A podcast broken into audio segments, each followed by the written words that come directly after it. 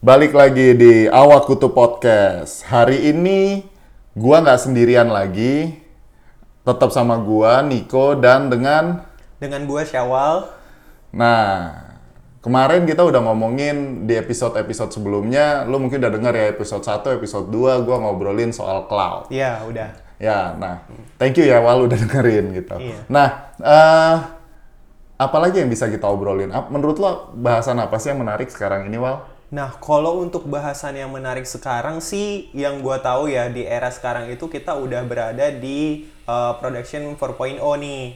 Nah, uh, gimana caranya kita tahu nih tentang uh, industri 4.0 ini gitu kan? Karena setauku itu industri 4.0 ini kita ada IoT, ada big data gitu kan, ada blockchain dan juga ada cloud gitu kan. Nah, uh, menurut Mas Niko sendiri eh, yang Mas Niko tahu itu eh, industri 4.0 itu kayak gimana sih gitu? Oke, ini kita kalau bicara soal industri 4 4.0 itu emang luas banget Iya sebenarnya. benar. luas banget industri 4.0 itu. Yang tadi seperti Sawal udah bilang, ada IoT, ada cloud, ada robot, ada blockchain gitu ya. Nah, dan lain-lain, ba- masih banyak lagi. Nah, tapi yang menarik, eh, ini lu kan pernah bikin project IoT, bener ya Wal? ya? Ya, that's right. Pernah. Oke, lo pernah bikin eh, apa project IoT? Mungkin lu bisa cerita sedikit. Project IoT yang lu bikin tuh apa sih, Wal? Oke, sebenarnya itu tugas akhir gue sih, Mas. Oh, oke. Eh, jadi di tugas akhir itu gue disuruh disuruh milih nih sama dosen gue gitu, mau eh, ngambil topiknya machine learning atau ngambil IoT atau ngambil yang eh, web based gitu kan.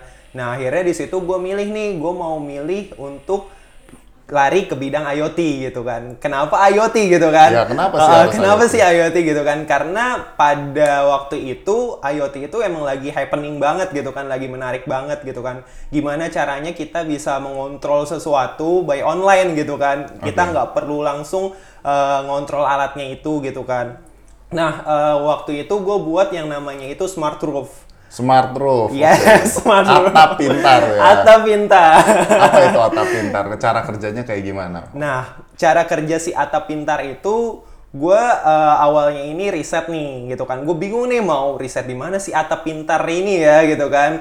Terus di deploy di mana gitu kan. Karena yang gue tahu waktu itu pemerintah lagi bikin stadion dengan atap otomatis gitu kan. Nah, eh, dari situ gue berpikir apa gua harus bikin atap stadion otomatis ya gitu kan tapi kayaknya terlalu besar nih cakupannya nah dari situ gue coba perkecil lagi skupnya gue di situ ngambil riset di bagian laundry gitu Oke. kan karena di laundry sendiri banyak eh, tempat laundry itu yang kebingungan nih pada saat musim hujan itu eh, si laundrynya ini akan tutup atau tetap terus beroperasional dengan cuaca yang nggak menentu gitu kan. Nah dari situ gue coba datang ke tempat laundrynya, gue riset di situ dan ternyata relate nih dengan kebutuhan si atap otomatis itu gitu kan. Nah si atap otomatis itu ada beberapa, gue gunain beberapa sensor gitu kan. Jadi atap otomatis ini ketika hujan dia akan nutup sendiri gitu Iya, fungsinya. benar. Karena tadi lu bahas soal ada hujan gitu ya masalah ngejemur pakaian berarti kan ketika hujan atapnya akan nutup sendiri. nutup, Nah benar. itu teknologi yang dipakai ya lanjut lagi teknologi yang lu pakai itu apa aja sih? Nah sebenarnya itu gue gabungan beberapa teknologi sih, Oke. nggak cuma gunain sensor doang gitu kan. Ya. Dan sensor sendiri gue gunain sensor uh, rain sensor, sensor hujan. Oke. Gue gunain sensor LDR atau sensor cahaya. Oke. Uh, uh, nah dari kedua kombinasi si sensor ini, gue bisa ngambil decision nih. Once ketika misalkan hujan, atapnya itu akan nutup. Atau ketika dia terang, uh, cahayanya, atapnya itu akan ngebuka. I see. Uh, uh, nah, nah. itu buat bikin decisionnya di mananya, Wal?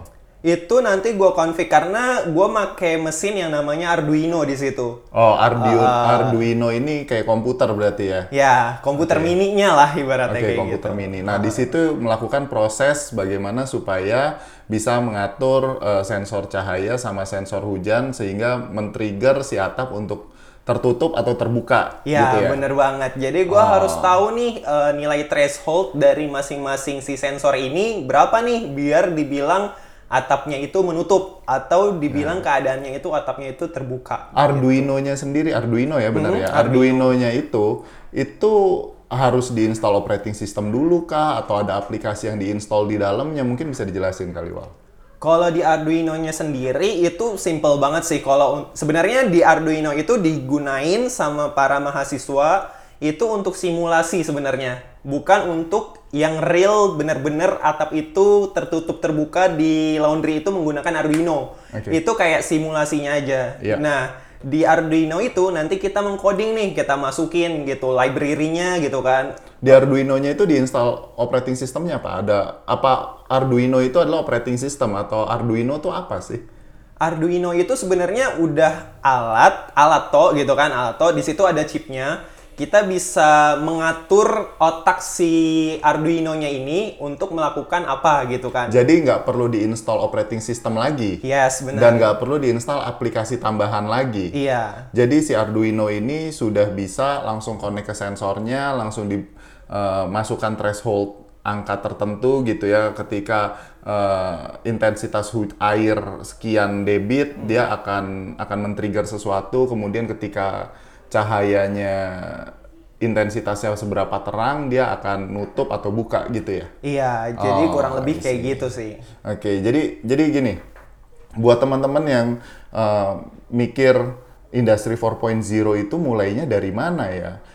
Poin penting kalau tadi kalian dengerin obrolan gua sama Sawal, industri 4.0 itu akan bicara soal automation. Iya, benar. Jadi segala sesuatu bekerja secara otomatis. Nah, itulah yang disebut dengan industri 4.0. Dan kalau kita mau lihat industri 4.0 secara menyeluruh, kenapa ada cloud di sana? Karena cloud itu adalah sebuah platform yang paling memungkinkan untuk kita uh, mendevelop sesuatu. Karena kalau kita bicara automation, kita akan masuk lagi kalau lebih deep kita akan bicara soal artificial intelligence. Kita akan bicara soal machine learning, kita akan bicara soal deep learning dan itu membutuhkan resource yang cukup besar pastinya. Benar. Nah, makanya kenapa uh, kita bisa gunakan solusi cloud. Belum lagi itu tadi kalau Sawal bilang baru satu laundry gitu ya. Bagaimana kalau misalkan si pengusaha laundry ini punya beberapa tempat laundry ada di tem- ada di beberapa daerah di Indonesia. Nah, kalau mereka mau kalau si pengusahanya mau membuat itu otomatis dan bisa di manage dari satu dashboard gitu ya, satu konsol, maka dibutuhkan eh, centralized management. Nah, Iya. centralized managementnya kita bisa taruh di atas cloud pastinya gitu ya. Makanya balik lagi nanti akan bicaranya soal cloud gitu ya.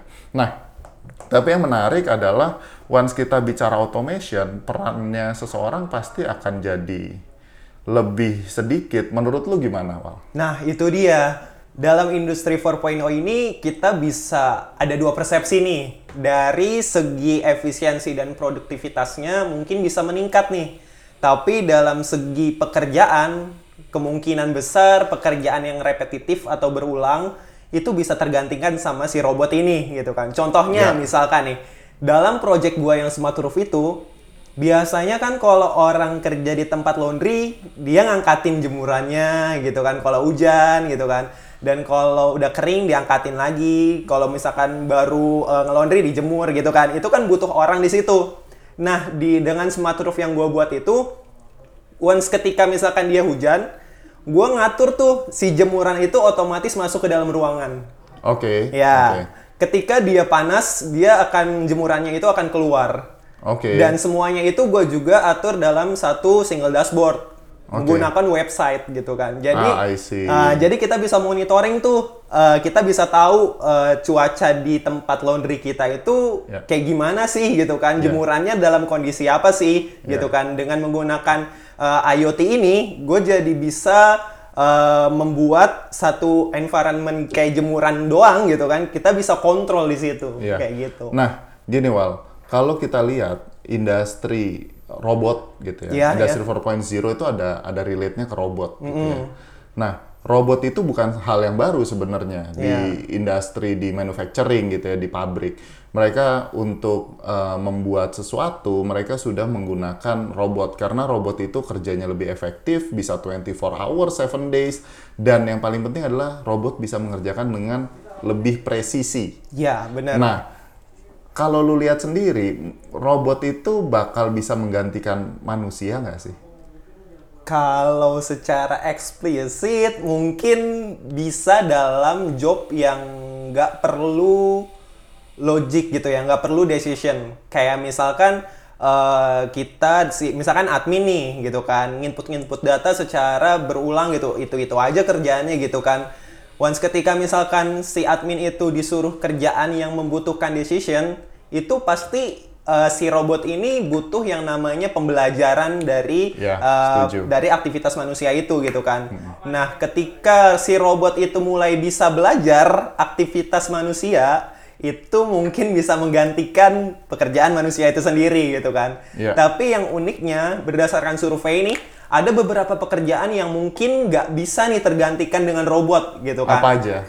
Nah, gue pernah baca nih di website berdasarkan surveinya McKinsey gitu kan, ada beberapa pekerjaan yang nggak bisa nih tergantikan oleh robot di eh, di era sekarang gitu kan.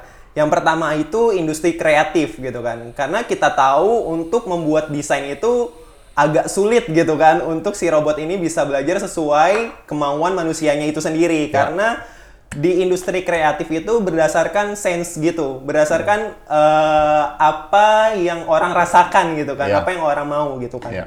Yang kedua itu ada di IT. Nah ini sebabnya kenapa waktu dulu gue kuliah itu gue milih IT gitu kan, karena gue akan gue tahu nih bahwa dunia IT ini akan berkembang gitu kan eh, dari tahun ke tahun gitu kan. Yang ketiga itu ada di bidang manajerial. Nah itu nggak bisa tuh tergantikan bidang manajerial gitu Karena kan. di sana harus ada decision. gitu Iya, ya. bener banget. Iya. Once ketika ada problem harus berpikir gimana cara nyelesain problem itu gitu kan. Iya.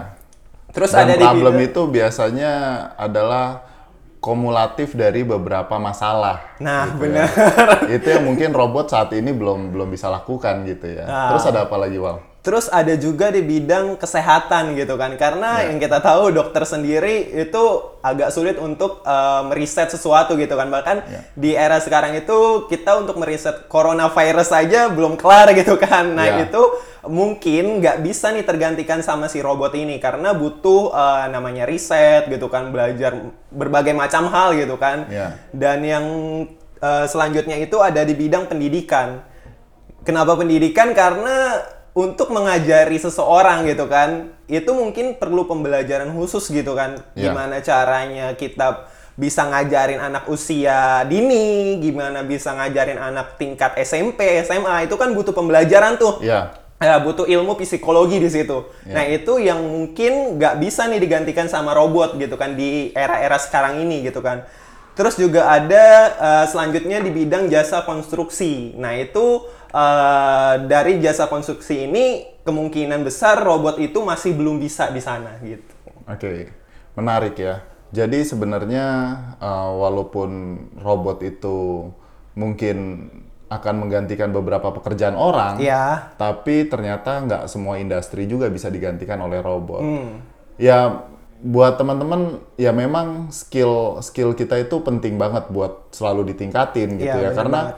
Contoh kalau kayak tadi misalkan kita bicara soal di kedokteran.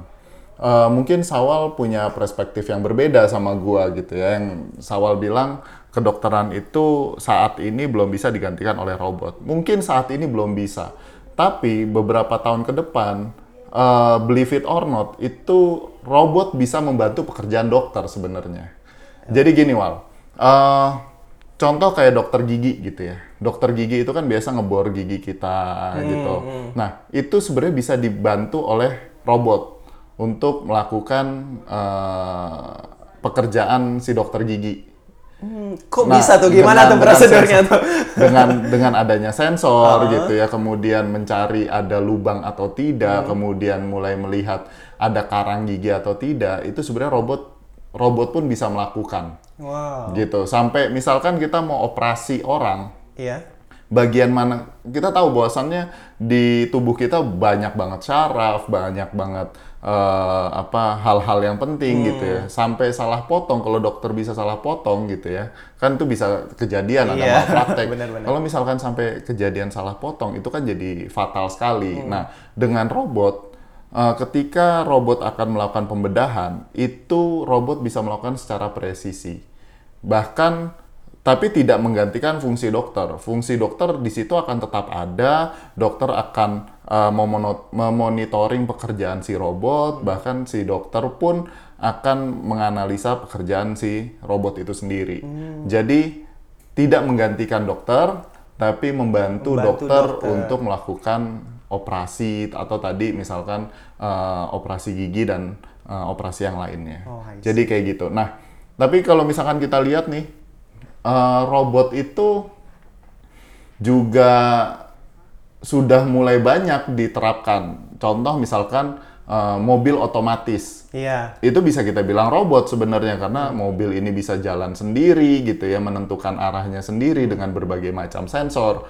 Nah, buat teman-teman yang memang pekerjaannya adalah supir itu mungkin bisa menjadi sebuah ancaman, buat Ancaman, benar. ancaman buat mereka gitu. Jadi memang eh, kita harus explore skill kita, kita harus ningkatin skill kita supaya pekerjaan-pekerjaan yang sudah bisa digantikan oleh robot kita bisa kerjakan kerjaan yang lain. Lain. Contoh misalkan menganalisa eh, rute terbaik dari perjalanan seseorang gitu. Mungkin mungkin sistem AI sudah bisa melakukan Sudah, itu, tapi ada beberapa keputusan yang memang itu harus didecide atau harus diputuskan oleh si manusianya sendiri Iya, benar banget. gitu. Nah, kalau di kantor sekarang udah ada juga wal namanya RPA, Robotic Processing Automation. Wah, apa tuh Mas RPA itu? jadi jadi ini ini menarik sih. Ah. Kalau misalkan kita biasanya eh, lakukan pekerjaan repetitif, contoh misalkan eh, di finance, finance itu mereka terima invoice dari vendor atau dari providernya mereka, mereka terima pena- apa namanya eh, invoice atau billing gitu ya.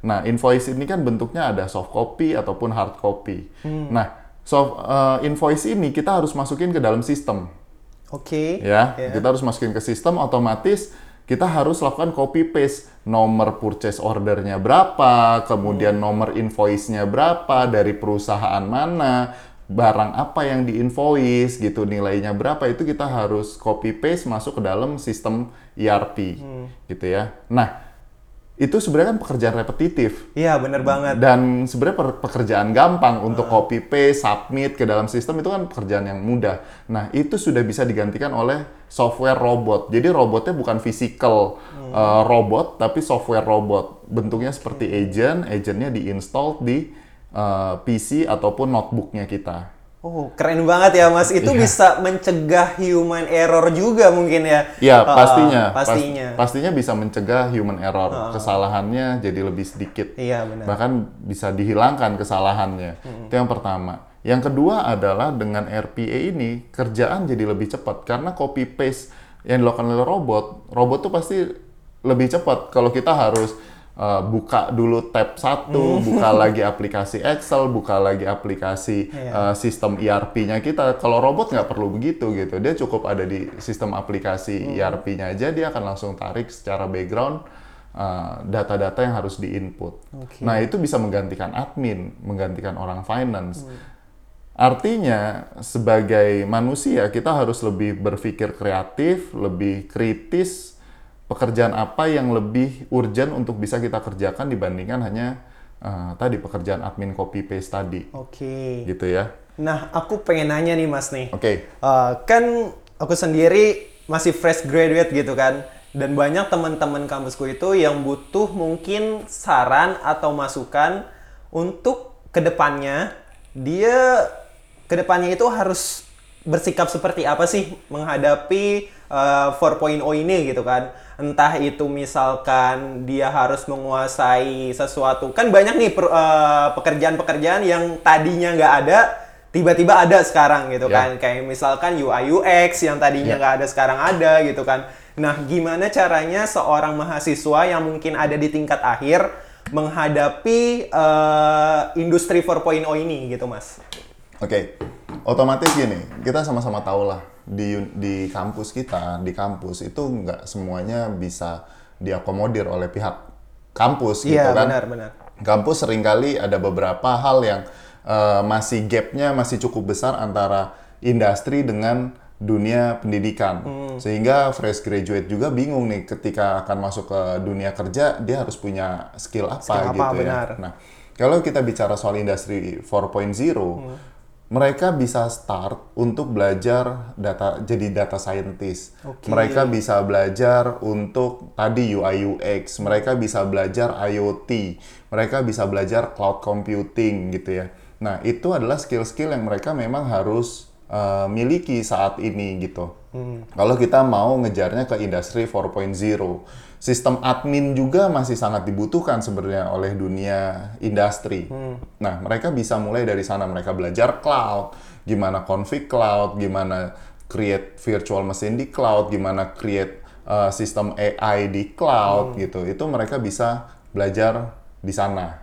gitu. Oke. Bahkan tadi kalau kita bicara soal RPA, mereka bisa mulai explore apa itu RPA karena ini kita nggak ada sponsor, nggak ada nggak ada iklan di Iya. kita gitu. Jadi gua nggak bisa sebutin uh, produk RPA-nya apa, tapi mereka bisa googling RPA dan itu akan banyak banget produk RPA dan mereka bisa belajar untuk jadi RPA developer. Wow, Gimana keren. kita bisa mendevelop satu pekerjaan repetitif dirubah dikerjakan oleh si software robot tadi, si RPA. Nah, itu menarik banget sih belajar RPA. Tapi yang saya tahu ya, kendala mahasiswa mungkin ada di budgeting gitu kan. Yang namanya mahasiswa untuk makan aja mungkin sulit gitu kan. Nah, untuk belajar si RPA sendiri, dia free atau gimana tuh Mas tuh? Oke, RPA sendiri banyak yang community edition Wah, gitu. Bahkan ada satu uh, leader RPA gitu ya. Kalau di market di market itu mereka leader banget gitu RPA. Mereka siapkan version uh, community-nya sehingga teman-teman bisa belajar secara gratis. Modalnya kuota internet aja buat download si software robot dan studionya. Studio itu satu aplikasi untuk si developer ngebi- eh, ngebuat tas apa yang akan dilakukan oleh si robot gitu. Itu free, totally free dan mereka bisa pakai. wah tuh guys, info menarik tuh buat kalian. Mungkin bisa dicoba gitu ya. Ya, nah buat industri sendiri, once mereka mau bicara soal industri 4.0, mereka juga bisa starting dari RPA itu sendiri. Karena apa? Karena gini, kalau kita lihat di industri itu, kebanyakan dari karyawan, mereka itu mengerjakan pekerjaan repetitif. Dan itu cukup mengambil banyak waktu kerjanya mereka. Iya, Bisa 4 jam, 6 jam mereka hanya mengerjakan pekerjaan repetitif. Jika seperti itu, bagaimana karyawan bisa uh, berpikir lebih kreatif untuk kemajuan company, sedangkan mereka sendiri sudah sibuk dengan uh, rutinitas kerjanya mereka. Ketika RPA membantu pekerjaan repetitif mereka, mereka bisa jadi lebih kreatif bagaimana industri tempat mereka bekerja ini bisa jadi lebih maju. Wah, oke. Orang finance akan lebih berpikir bagaimana mengelola keuangan lebih baik dibandingkan hanya uh, mengerjakan uh, input invoice gitu ya, kemudian create purchase order ke uh, vendor. Mereka akan lebih kreatif bagaimana mengelola keuangan. Nah, itulah pentingnya RPA di satu company. Mereka bisa start dari situ. Oke. Dan itu bisa saving uh, cost-nya company sampai sekitar 60%. Bayangin aja nih, kalau kita pakai software robot untuk mengerjakan pekerjaan repetitif, itu mungkin uh, si karyawan, kalau kita hitung-hitungan gaji deh, kalau kita harus gaji karyawan, mereka 12 bulan gaji. Belum bonus tahunan, benar. belum lagi mereka harus dibayar THR-nya, Oke. belum lagi mereka harus dibayar tunjangan kesehatan dan lain-lainnya. Tapi kalau misalkan kita pakai RPA, kita hanya bayar RPA-nya saja, Iya. mereka bisa kerja 24 kali 7 Iya. tanpa perlu kita pikirin gajinya si robot, tanpa perlu kita hitung tunjangan si robot, kesehatan dan lain-lain. Wow. Belum kampungnya karyawan gitu ya. Iya, benar, Jadi benar, company bisa start industri 4.0 mereka mulai dari situ. Oke, Gitu. siap. Ketika mereka sudah lebih kreatif, karyawan sudah lebih banyak waktu luang untuk berpikir lebih eh, jernih, jernih bagaimana pengembangan bisnis selanjutnya, kita mulai bisa masuk ke IoT. Oke. Oke, kita bisa masuk ke IoT, kita bisa tahu sistem mana sih yang sebenarnya kita bisa otomatisasi. Misalkan kalau misalkan di perkebunan lah kita bicara soal, soal perkebunan. Iya, iya. Salah satu hal yang sulit di perkebunan itu bagaimana kita bisa tahu tumbuh kembangnya pohon misalkan kelapa sawit lah. Gimana kita bisa tahu kelapa sawit ini tumbuhnya bagus atau tidak? Airnya cukup atau tidak? Nah, eh, pupuknya cukup atau tidak, tanahnya itu bagus atau tidak kualitasnya. Nah, dengan IoT dan kit- IoT tadi lah kita main sensor. Dengan Iya. sensor itu kita bisa tahu si pohon ini sebenarnya dapat nutrisi yang cukup nggak dari pupuknya, airnya cukup atau tidak, dan eh, yang terakhir adalah tanahnya bagus atau tidak gitu. Dan kapan bisa dipanen? Semua kita bisa single dashboard kita lihat semua itu wow, gitu. keren Jadi banget. jadi industri 4.0 itu bukan semua solusi harus di eh, implementasi, nggak begitu. Tapi kita bisa eh, part by part. Mulainya mau dari mana dulu gitu. Jadi nggak masif semua harus langsung diimplementasi, nggak sampai segitu. Nanti kalau IoT-nya sudah jalan, kita bisa juga masuk ke AI, artificial intelligence, Ya. supaya kita bisa memprediksi tumbuh kembang pohon kelapa sawit ini eh, lebih baik, Oke. gitu. Gitu. Terus Wak. juga banyak nih mas yang mahasiswa sekarang itu lagi gandrungnya itu ya AI itu gitu, artificial intelligence sama machine learning. Nah gimana caranya itu uh, kita bisa meriset suatu tweet misalkan di insta di uh, Twitter gitu kan kita lihat hype-nya yang berkembang lagi ngebahas apa, terus itu masuk kategori penghinaan atau enggak, itu ada di machine learning, terus kita bisa belajar AI. Aku juga pernah bikin nih mas, AI untuk anak-anak itu belajar. Ya. Ya, jadi di SD itu aku buatin aplikasinya, kita bisa scan lewat HP. Misalkan gambarnya itu eh, buah deh, misalkan buah mangga gitu kan, kita scan lewat HP gitu kan. Nah, di HP itu muncullah eh, suatu animasi atau suatu efek yang menjelaskan bahwa mangga itu ini loh, khasiatnya ini loh, Iya. bagus untuk ini gitu Iya. kan. Nah, dari situ si mahasiswa sendiri ini udah mulai kreatif sebenarnya. Iya. Udah mulai kreatif, udah mulai terbuka dengan industri 4.0. Mungkin hanya beberapa bantuan sedikit dari kita nih. Mungkin dengan podcast ini bisa membantu nih para mahasiswa maupun uh, rekan-rekan yang lain gitu kan Iya. untuk mengetahui uh, tren IT itu seperti apa, terus IT itu bisa membantu dalam hal apa gitu kan. Dan Iya. uh, so far sih sejauh ini yang aku ikutin di Awak Kutu Podcast ini, ini menarik banget sih mas gitu Oke, kan. thank you. Nah, gini Wal, kalau misalkan kita bicara AI, itu Iya. menarik tuh. Kita mau belajar AI mulai dari mana, Iya. gitu ya? Di cloud, di Amazon Web Service, mereka punya services itu untuk AI, ML, DL. Ya, ya artificial intelligence, Machine machine, learning, dan deep learning. Iya. Bahkan mereka sudah punya beberapa software jadi based on cloud, udah jadi tinggal pakai. Tadi contohnya adalah untuk scan gambar. Iya. Itu eh, di Amazon Web Service mereka sudah punya services itu untuk scan gambar. Wow. Oke, tinggal dikembangkan mau ke arah mana, mau dipakai untuk apa. Contoh paling simpel gini, misalkan kita bicara soal industri oil and gas ataupun mining, tambang gitu ya. Di tambang itu mereka kan eh, harus mengikuti prosedur kerja, keselamatan kerja.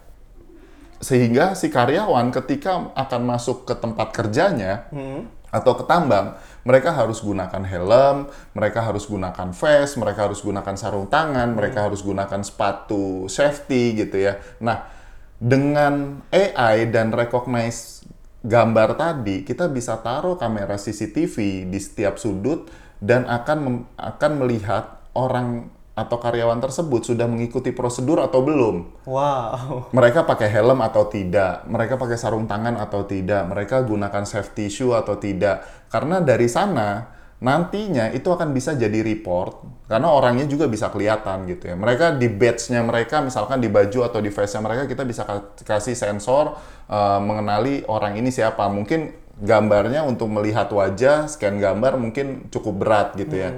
Sehingga kita bisa taruh badge di uh, face-nya seseorang gitu ya, kita kasih pin dan itu ada sensornya.